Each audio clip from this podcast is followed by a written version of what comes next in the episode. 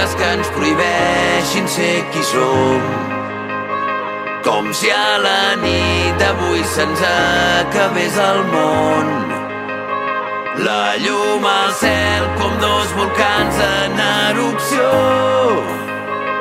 Ballant junts fins que acabem perdent la raó.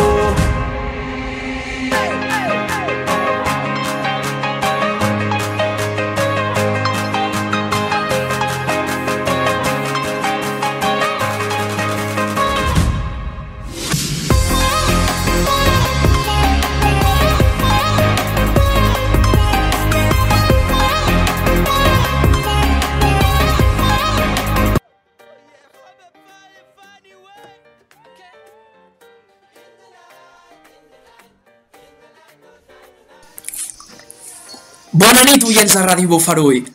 Benvinguts al primer programa de La Trinca, un espai d'oci on bàsicament venim a passar-ho bé. Avui m'acompanyen el Jaume Elias, Hola, bona nit, aquí estem. l'Enric Elias, l'Enric Elias Ei, xavales, aquí estem a tope. Ja veieu que tenim, tenim uns convidats molt esbojarrats. I expliqueu-me, nois, com esteu vivint el confinament? És a dir, vosaltres us aixequeu del matí, què feu? Jaume, si us plau, si ens pots explicar... Pues, la veritat que es podria dir que no són dies molt productius els d'avui en dia, però eh, amb certa, vivint aquests dies amb certa incertesa, no? Com tothom, jo crec. I bueno, la veritat que jo m'aixeco cada dia a les 11 o més tard. Estic visquent com un rei, la veritat, i faig una mica de deures, esport i ja tornem a començar el dia. I tu, Enric, explica'ns què fas i després jo. Pues jo res, jo m'aixeco a les 8, faig classe virtual i ja saps, uh, es porta com es pot, perquè això és nou per nosaltres i bueno, ens adaptem a, a tot. Ja podeu veure que més o menys la gent fa el mateix, vull dir, fa esport, fa classe i jo una mica en la línia, m'aixeco, estudio una mica, vaig a la cinta i vosaltres creieu que això s'allargarà molt o què? Hòstia puta. Sí, joder, sí, s'allargarà moltíssim, ja veuràs. L'últim, a les escoles i tot això serà l'últim, ho tinc claríssim. O sigui, un mes, dos mesos. Fico per llarg, jo ja. Sí, no, jo també crec que en plan, Cap a juny o alguna així podem tornar a sortir de farra i... Per tant, el concert del 20 de maig d'Arc de Triomf a la Sala Apolo, Enric, perilla. Buah, pues sí, parilla... Perilla, no? Sí, sí, perquè... Encara que no volem dir res, Coronavirus... no volem dir res, però després l'Enric ens explicarà una mica qui són Arc de Triomf. Sorpresa, tot sorpresa. És sorpresa, no podem dir res. Però per almenys el Canet Rock esperem que segueixi en peu. Això és intocable i és sagrat, sagrat i és una cosa que esperem cada dia de l'any. La veritat que si el festiuet i el canet eh, es cancel·len, serà tragèdia humana. És que són els events més importants de l'any. Això no pot fallar. De totes maneres, important per la de totes maneres, en uns minuts tindrem aquí el president de la República Catalana, Joaquim Salinas Casanovas, que ens farà una mica de spoiler, no? Ens farà una mica un xivatazo de quines mesures prendrà el govern de la Generalitat per combatre aquest virus. Hi ha ganes, hi ha ganes d'escoltar el president, el senyor president, i a veure què ens explica i quines mesures poden adoptar per la República. Doncs sí, la veritat és que sí. I en aquest espai també com comentaré una mica l'actualitat del Barça, no? Que Jaume està una mica moguda l'ambient amb la directiva. Està una mica mogut tot. una bona... jo que no el conec massa, el novit aquest, eh? El novit aquest, qui és? Perquè el tindrien de fer fora ja, no? Potser? Bueno, però de totes maneres, això ho aparquem i ho traslladarem a la tercera part del programa. Ara m'agradaria una mica fer una mica de tertúlia, no? Què opineu vosaltres de com està gestionant el govern espanyol del govern català? Ja tindrem en uns minuts el president, però volem que, que ens expliqui una mica el govern espanyol. Com, com ho veieu? Enric, si us plau. Jo? Ah, bueno, doncs començo, vinga. Ja saps, fent l'imbècil com sempre fa, però bueno, què t'esperes? És Espanya? Vinga, som-hi! Viva los muertos I ja està. És el que fan, bàsicament. Però bueno, què farem, noi? No fan cas a un doctor, prefereixen fer cas a un militar amb una pistola i ja veus que farà un virus, no farà res. Però bueno, són espanyols, no podrem fer res més, xavales. Bueno, però des dels últims anys ja s'ha vist una mica que el PP i el PSOE han, han anat una mica apropant distàncies, no? Al final el PSOE es defineix com Partit Socialista Obrer i de socialista i obrer en té ben poc, no creus, Enric? Bàsicament, sí, sí, està totalment... No hi ha pitjor cosa que un partit d'esquerres faci de dretes. És una cosa horrible. Però bueno, què farem? Mira. I Jaume, Jaume explica'ns, tu que estàs al... Com, com t'està afectant a tu això? Clar, perquè tu ets el, tu ets el més petit. Així és això. És que, per sort, per sort, estic a primer de batxillerat i no estic a segon de batxillerat, que no voldria imaginar-me com estan els de segon de batxillerat en aquests moments, perquè viure a la CL, no saber quin dia es farà, ara te la posposen fins al juliol, estar amb l'angoixa de fer la CL al juliol. No ho sé, és una situació molt complicada, i més per als... Jo he tingut la sort que és primer de batxillerat, però jo arriba a ser segon i, joder, haguessin tingut un bon drama. Doncs la veritat és que sí, per exemple, la meva germana està fent segon de batxillerat i les està passant canutes, perquè tenia organitzat un viatge la setmana de l'1 al 8 de juliol i li han hagut d'aplaçar per cul- s'ha hagut d'aplaçar el viatge per culpa de la selectivitat, o sigui, realment és una putada. És que és això, és això. A sobre et foten el viatge a l'últim any, que ha de ser un any màgic, te'n vas de festa amb els col·legues al MIF o a Malta, no sé, en qualsevol lloc d'aquests, i ara et quedes sense viatge per un puto virus de merda.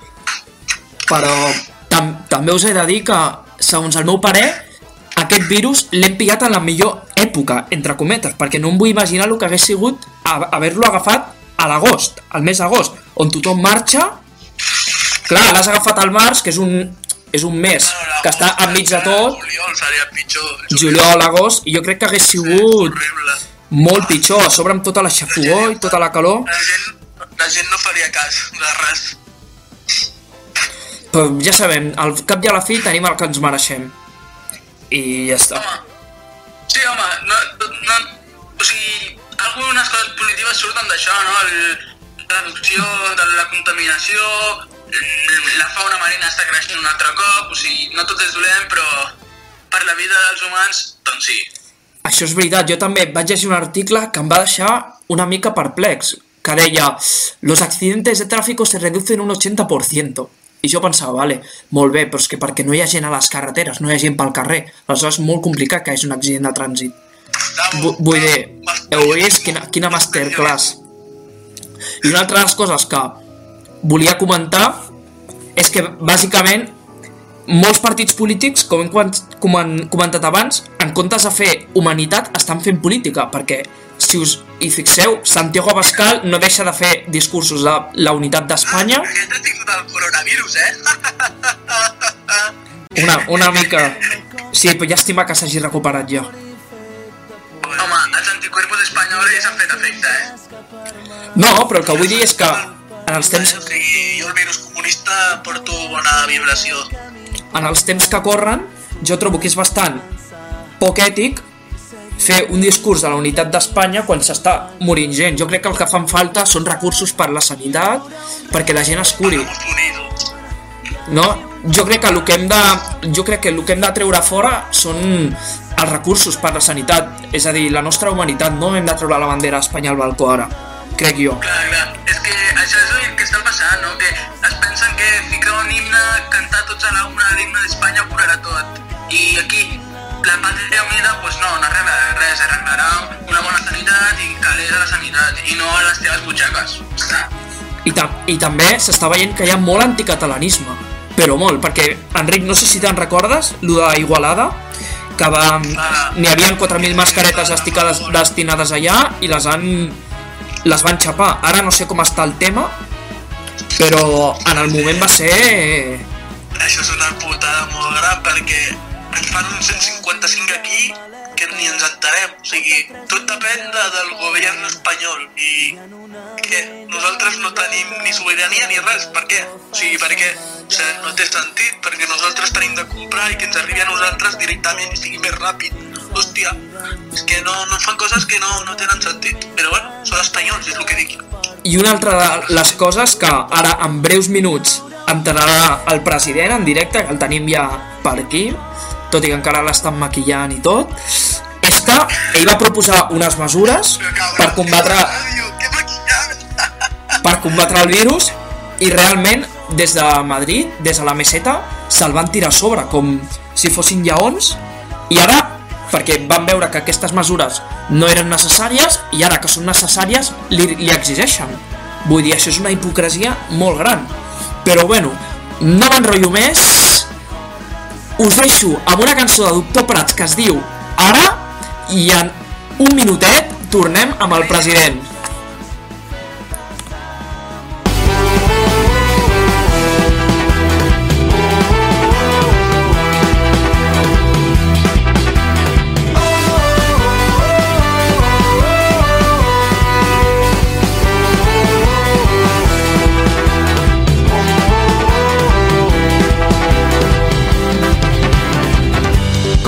Cançó que sona a la plaça o un moment perdut intentant trobar-te com aquest balcó amb l'esperança estesa o la llum del sol. Eh, com la teva sort la que mai espera o les nits d'agost a la carretera. Un estiu enmig de ciutats glaçades com aquest moment i ara tot està per fer, que no són temps de mirar enrere. Tornarem a sortir al carrer amb la nostra gent. Que soni des del cim més alt, velles cançons que abans cantàvem,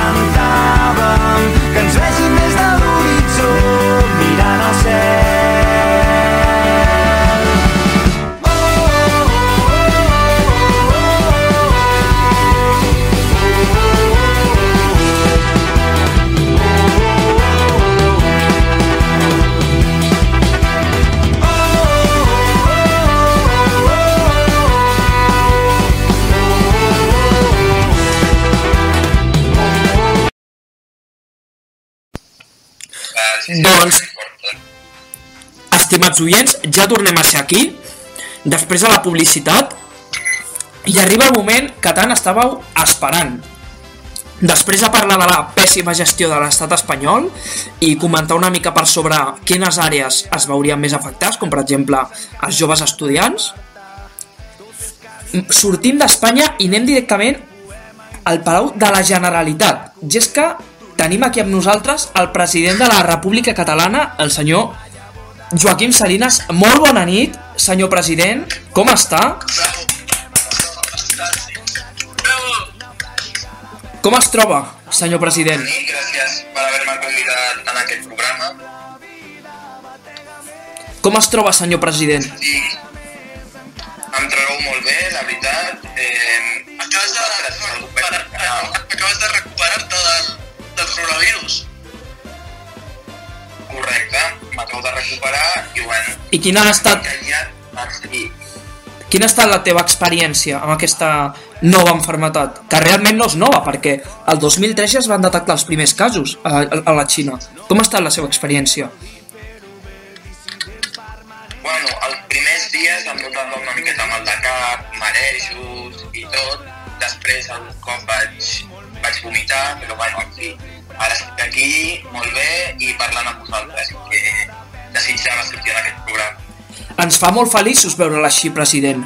I abans ho estàvem comentant entre nosaltres, però creiem que vostè sap millor que mai com està sent la gestió de l'estat espanyol. Perquè recordem que vostè, vostè va fer unes declaracions on demanava el confinament total de Catalunya i se li van tirar a sobre. I ara realment és el que volen fer.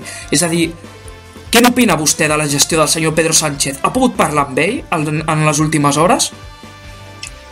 Bueno, com cada dia fem una reunió de tots els presidents de la comunitat autònoma i valorem una miqueta com està anant això del coronavirus, si hem d'allargar l'estat d'alarmes, i si no fa falta, si necessitem material sanitari, si no fa falta, bueno, totes aquestes gestions que podeu veure a través de la televisió.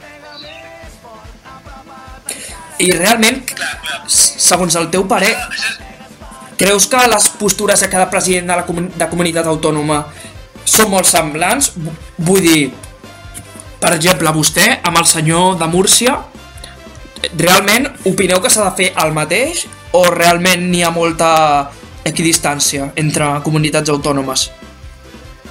No és que cadascú vulgui fer diferent o no, és que cadascú té maneres diferents de veure'l, però al, al final volem una cosa en comú que és tornar a la normalitat lo, lo abans millor.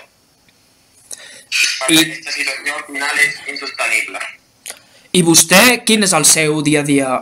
És a dir, a part de fer aquestes reunions, vostè s'aixeca i què fa? Pública, el primer de tot. Home, això és lo important. M'aixeco, m'aixeco i el Pedro em truca. Sabrem una miqueta sobre com estan evolucionant el coronavirus, si cal allargar l'estat d'alarma, si no fa falta, si necessitem alguna cosa puntual com mascaretes, bueno, material sanitari. I ens anem comunicant dia a dia. I el, a, la, a les tardes suposo que va trucant als hospitals de la zona. Sí, vaig trucant als hospitals on hi ha més casos, més infectats i tot, per veure com, com puc solucionar les seves demandes que em donen, que jo trasllado directament al govern espanyol, que és qui ho dirigeix tot. Molt ben fet. Doncs veritat molt... les mesures que està adoptant aquest govern de Catalunya, senyor president, han estat, han estat jo crec que de les més influents i més innovadores en respecte a l'estat espanyol, que s'ha mostrat més a la guait, esperant a, a que, com succeïa i el que demanava era una anticipació al virus. President, jo no sóc ningú per dir-li el que ha de fer, tant de bo fos jo el president, però si tens por de fer alguna cosa, fes- fes-la, però amb por. És a dir, sempre amb un pas ferm i endavant. I ara, estimats tertulians, anem a estrenar les seccions del programa. Comencem amb tu, Enric, que em sembla que ens has portat un grup de música revelació. I el president està desitjant escoltar-ho perquè, president, vostè és un gran aficionat a la música catalana. Correcte, des de, des de que era ben jovenet. I quins grups li fan tilín a vostè? Vull dir, el, en coneixes algun? En, en persona, per exemple, coneixes el Guillem de Buos? A veure, no, no he pogut parlar amb ell cara a cara, però sí que l'he vist dalt de l'escenari, la veritat, tant Buos com Doctor Prats com tot, jo trobo que ho fan molt bé i cadascú té el seu, el seu toc. Màgic. No, perquè al cap i a la fi la cultura catalana, en aquest cas la cultura musical, és molt important, no? Perquè al cap i a la fi és un altaveu mediàtic i molts grups l'utilitzen per reivindicar coses que estan passant en, a, en aquest petit país, com per exemple la, la repressió de l'estat espanyol. I això és molt important. Així que, Enric, sense més demores, si ens pots presentar quin grup ens portes avui, doncs estarem encantats de sentir-te. companys, companyes, us presento el nou, el nou grup que ha sorgit ara, al gener, va sorgir concretament, i es diu, es diu Art de Triomf, i és de, de dos germans, de l'Oleg i Wojtek, són dos polonesos que parlen català, i bueno, van, crear, van voler crear un grup amb col·legues i tal, i ho estan patant molt ara perquè té molt de bon rotllo molt bona vibra i ara pues, estan traient tots els discos i tota la seva metralla. I us el recomano molt perquè que he parlat amb ells i us dic, són molt bona gent i s'han fet una foto amb el president la tenen a l'Instagram i molt guai us ficaria una cançó ara però no sé com puc fer-ho ara o sigui, I, i pels, pels estimats oients, hem de recordar que el 20 de maig presenten el seu primer disc a la Sala Polo, no, Enric? És veritat, molt ben dit, Masdeu. Sempre tu estàs alerta. A la Sala Polo, a partir de les 9 i mitja del vespre, Arc de Triomf presenta el seu primer disc. Correcte. Correcte. De moment està en, està en suspensió, no està en suspensió el concert, però està, com quien diria, la cosa en el aire, no? Sí, està ahí, ahí. Ja que depenem de les autoritats sanitàries i tot això, a veure què diuen i tal, i esperem que es faci, ja que és una oportunitat per ja conèixer-los més a fons i saber la seva música, que és ska. És rock, és ska. Tenen temes molt importants com per exemple eh, Tornarem o per un món, que són temes molt, molt reivindicatius, no? Sense cap dubte. I, senyor president, se- senyor president, vostè coneix els Arc de Triomf? Bueno, he sentit a parlar i per la música que he escoltat d'ells, trobo que és un grup que promet molt. I tu, Jau- Jaume, els havies sentit? Sí, sí. Com, com ha dit el senyor president, tu, l'Enric, jo crec que és un grup que té molt de futur, que si segueix així pot arribar molt lluny i jo crec que es pot fer un, un lloc, una, es pot posar a la taula dels grans com Charango, Búhos, Ocas, jo crec que si segueix així en peu ferm i, tal com ho estan fent, dintre de poc es podrem veure en tots els grans cartells. I Jaume, tu què ens portes avui? Sí, sí, aquí volíem arribar. Bueno, la meva secció ara d'unes notícies així que es podrien dir que són una mica random i tal i qual. Tret de l'avantguàrdia i mira, la primera que us explicaré és sobre una actuació policial dels Mossos que interromp... Estava un bar de Martorell, eh, estava obert i hi havia com gresca i es veu que els Mossos van arribar, els ho van veure i a l'entrar al bar, que òbviament estava tancat, amb la porta tancada perquè no... perquè estan fent una cosa que és il·legal ara mateix. Eh, aleshores, van arribar i Qui, qui estava... fa il·legal? Els Mossos o, o la gent? Perquè jo no sé qui són els il·legals aquí, eh? Hi, hi, hi, ha- hi, ha, hi ha molta igualtat, eh? Home, ja sabem que, que sempre hi ha una mica d'abús policial, però en aquestes condicions jo crec que van actuar bé perquè estaven fent una partida de pòquer en ple confinament i estaven venent alcohol com si fos un dia normal. Els tios s'estaven emborratxant i fotent-se una partida de pòquer. I què va fer la... Van entrar a repartir. Com? Va, si van entrar a repartir amb porres o pacíficament. Home, no, Lo de pacíficament jo crec que ja no, eh? massa, però sembla ser que li han fotut una multa, vamos, que no, no la voldries tu, perquè, clar, eren quatre homes, entre ells els propietaris del bar, fotent gresca, a borratxos i jugant al pòquer. Doncs moltes gràcies, Jaume.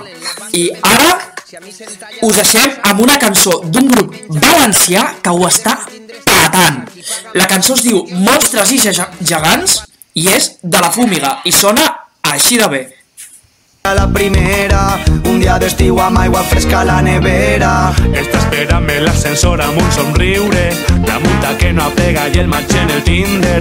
Els 5 minuts que allargue cada matinada.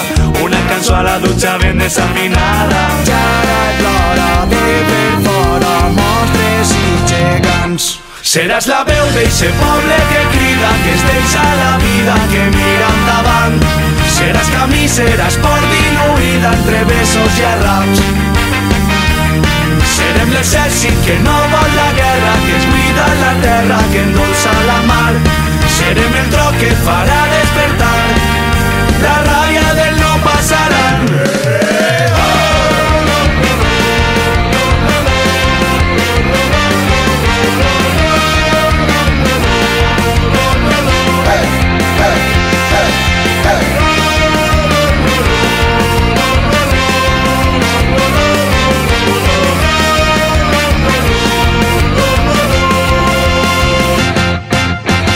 Passar la nit pegant-li a la filosofia Obrir la porta i escoltar-ho-la bon dia Cançó que mai s'acaba per la carretera Pegar-li foc a mitges prop de l'albufera Parar per esmorzar, aprovar sense estudiar, alçar-se tard i conjugar sense pensar. Dissabte que comença l'hora de dinar, diumenge de ressaca amb ganes de tornar.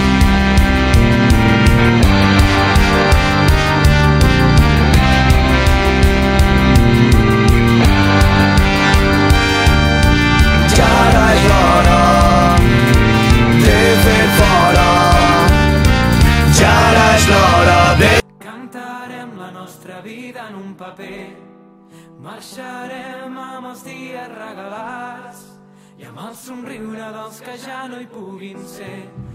Escriurem que tot no va ser fàcil, cantarem la nostra vida en un paper, marxarem caminant per les estrelles i amb el somriure dels que ja no hi puguin ser.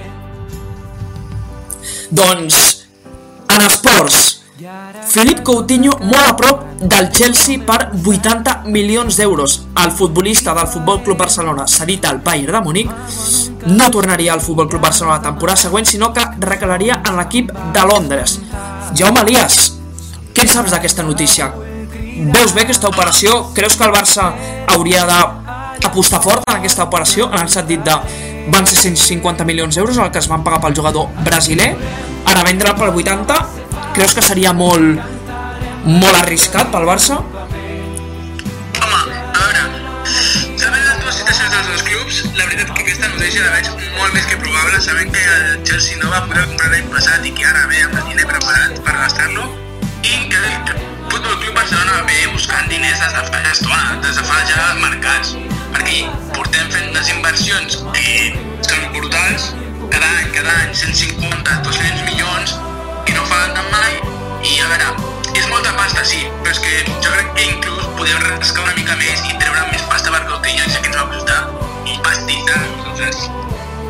És que és això, a més no crec que el Chelsea ofereixi massa més per Coutinho, no? Perquè al cap i a la fi ha de fer més fitxatges, té un equip una mica descompensat, amb molts joves, però jo crec que també necessita experiència, necessita jugadors per poder, d'alguna manera, competir la Premier League amb el Liverpool i el City, hem fet un bon paper a la Lliga de Campions, i de moment els jugadors que té, em sembla que cap compleix aquestes expectatives. Ma Mason Mount és molt bon jugador, però és el seu primer any a l'elit. Tenny Abraham també té experiència, però no em sembla un jugador per un eh, Big, Big Six de la Premier. És bon jugador, sí, però no, no sé jo si per un equip que aspira a guanyar la Premier no sé què penses tu, Jaume si tu fossis el, el director general de l'equip de Londres qui fitxaries? Home, estaria molt complicat, la veritat, perquè sí, tenen una plantilla bastant curta, molt curta, és a dir, plena de joves amb qualitat, això és cert, però crec que, com tu has dit, els falta experiència. I jo crec que tocaria reforçar la defensa central perquè tenen allà un quadre important. I després buscar uh, un referent a dalt que li pugui garantir uns 20 gols a l'any seria molt clau.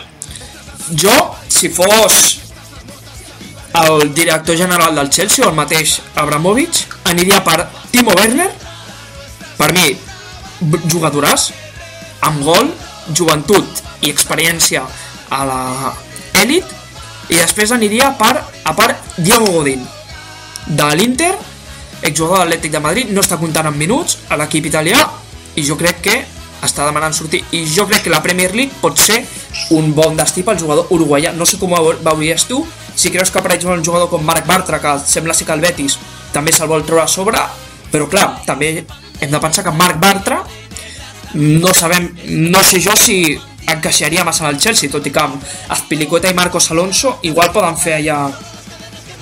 No sé com ho veus, Jaume. Sí, bueno, és... Sí, a la delantera estic totalment d'acord amb tu, jo crec que Timo Werner és l'adequat, velocitat, qualitat, defineix bé, jo crec que és l'adequat a la davantera, però sincerament a la defensa no estic tan d'acord amb tu, ja que Godín, jo el veig una mica massa gran, la veritat, a l'home, però bueno, a veure, jo crec que un Bartra podria anar millor i si el que tu has dit, Espilicueta, que és el capità, el podria orientar bé, però tampoc crec que sigui la solució. Crec que hem que buscar un altre perfil de central. Mathis Delic a la Juventus va començar molt fluix, però ara sembla que a, a, abans de l'aturada aquesta, sembla que va començar una mica a, a treure el caparró. No sé si seria un bon reforç pel Chelsea, Mathis Delic. Jo crec que sí. Joventut, experiència, tot i els seus 21 anys. Porta dos anys a l'elit. No sé com ho veu. Ho veuries, tu, aquest fitxatge? Seria un fitxajazo perquè flipes, però està clar que la Juventus no el deixarà anar a no ser que li fotin una oferta que sigui increïble. Doncs, moltes gràcies, Jaume. I ara, Enric Elias, estàs per aquí? Enric, Sí, sí, companys, què passa? eh, vist el batiriburri que tenim aquí al país, creus que seria bon moment per proclamar la independència de Catalunya? És a dir, els pilles a tots desprevinguts, eh? Pues sí, sí, seria...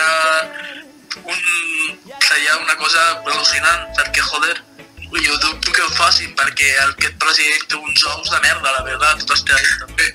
I clar, i a sobre, amb, amb l'exèrcit aquí ficant a l'him- a l'himne tota hòstia, pues, no sé, no ajuda massa tampoc.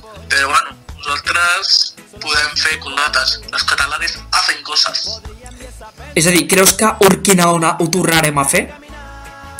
Hombre, i tant, hòstia, quan s'acabi això anirem a saco, però tots, és que tots anirem a saco. I, i ja està, perquè és que ens estan pixant per sobre i estem hasta la polla de tots, joder, estem farts ja, hòstia. Tu que ets militant de, de la Forja, del jovent republicà d'Hospitalet, esteu preparant accions? Que jovent no? No m'insultis, jovent revolucionari de la. Perdó, perdó, esteu preparant alguna acció? Sí, teníem unes accions preparades, però ara s'han parat totalment pel confinament, ja que tenim d'estar tancats a casa, pues ara no podem fer, però més endavant ho podrem fer. I té a veure amb coses feixistes, o sigui, està molt guai l'últim, o sigui, l'últim que farem sobre accions antifeixistes. Jaume, Jaume, m'acaba d'arribar una notícia, tornant al tema del Barça, que Ferran Torres i Lautaro Martínez serien els principals objectius del Barça de cara a l'estiu. Com ho veuries? Jo joventut. Sí, sí, són propostes interessants, però clar, jo crec que el, Segons- el Ferran Torres jo el deixaria... Jo el deixaria cedit un any més al València. Crec que encara ha d'explotar una miqueta. Bueno, és que jo directament no el fitxaria, la veritat, perquè tenint a bandes com l'Ansu Fati, el Dembélé, Creus, que Creu- creus que és un jugador que encaixa més a l'Atlètic encaixaria més a l'Atlètic de Madrid ara, Ferran Torres? Ara que ha vist que poden marxar Lemar o Vitolo? home, doncs ara que ho diu sí, perquè Lemar i Vitolo han sigut un gran fracàs. És a dir, Ferran Torres és un gran jove amb molta projecció i jo crec que té més esperit defensiu, més, més garra i podrien, podria entrar millor al, a l'Atletico. és a dir, aproves el fitxatge de Lautaro Martínez pel Barça? Vist que s'ha descartat Timo Werner? Aproves Lautaro Martínez? Aproves Lautaro Martínez? Està descartadíssim. Ara Pues- tocaria anar per Lautaro. La veritat que seria un fitxajazo, un excel·lent. Jo també ho crec. Crec que el Leipzig jo crec que ha fet dues temporades d'escàndol i jo crec que el Barça ai, a l'Inter de Milà jo crec que ha fet unes temporades d'escàndol i jo crec que el Barça hauria d'anar per ell però sense pensar-ho. Hauria de ficar els diners a sobre la taula i jo crec que a l'1 de juliol Lautaro Martínez ha d'estar a les oficines del Barça firmant el seu contracte. És el que jo crec. President, No, no, no haver dit millor. president,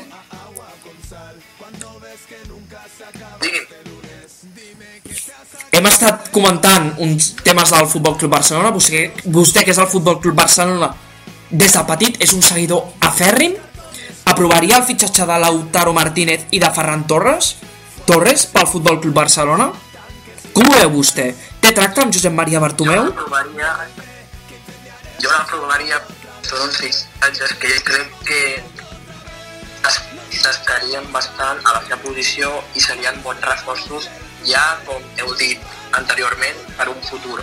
Perquè Messi ja és gran, Suárez ja és gran, eh, Piqué s'està fent gran també, entre d'altres. Hauríem de renovar més l'equip. Clar, És a dir, renovar, sempre però- renovar, innovar i renovar. President, segons el teu parer, Jo també trauria president, segons el teu parer hi ha d'haver una neteja de plantilla, no?, aquest estiu? És a dir, les vaques sagrades fora i s'ha de portar jovent, no? Jovent... una mica, em, em fa mal dir-ho perquè no m'agrada copiar el model del Madrid, però una mica com ha fet el Madrid, com va fer el Madrid, no? Vinícius, Brahim, Rodrigo, ara Renier, no? Creus que el Barça ha de fer una mica això? Apostar pels joves? A mi m'ha agradat molt una cosa que ha dit el senyor president, eh? Sisplau, pots repetir-ho de la Masia? Jo el que faria és agafar jugadors a la Masia, perquè tal que diem de la Masia no es toca, la Masia no es toca, doncs collons, que es noti que la Masia no es toca. Doncs, amb aquestes paraules del president Joaquim Salinas, donem finalitzada... Qui volia afegir una cosa? el president. President, diguis. Eh, jo el que faria, a part d'això és també canviar la directiva, perquè amb aquesta directiva no arribem enlloc. S'autoregen està a Cardedeu. Doncs amb aquestes declaracions al president de la, de la República, Joaquim Salinas, donem per finalitzada la sessió d'avui. Fins aviat.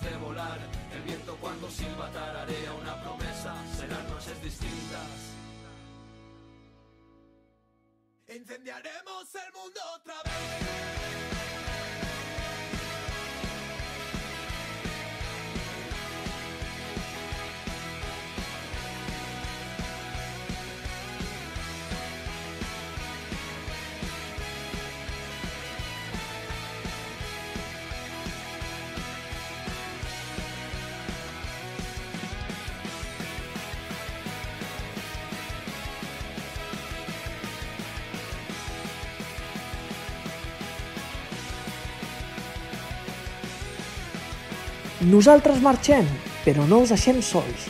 Us deixem amb Smoking Souls. Això es diu Nit salvatge i sona així de bé. Voldríem veure'ns en el nostre espai, el teu paratge preferit. Recorrerem la nit per ser més forts i anar més lluny, desterrar la nostra por.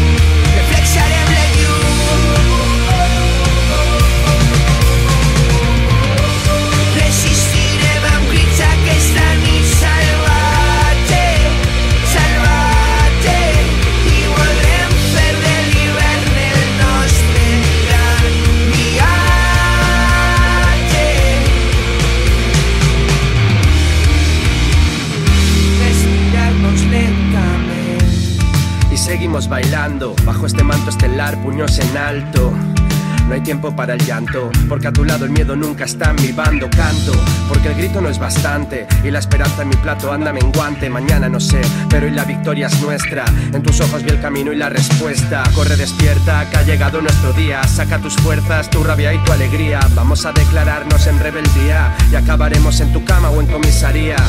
Tú eres rebelía atrevida, eres la gasa que supo cerrar mi herida. Y aunque mañana me despida, respira, hoy es siempre todavía.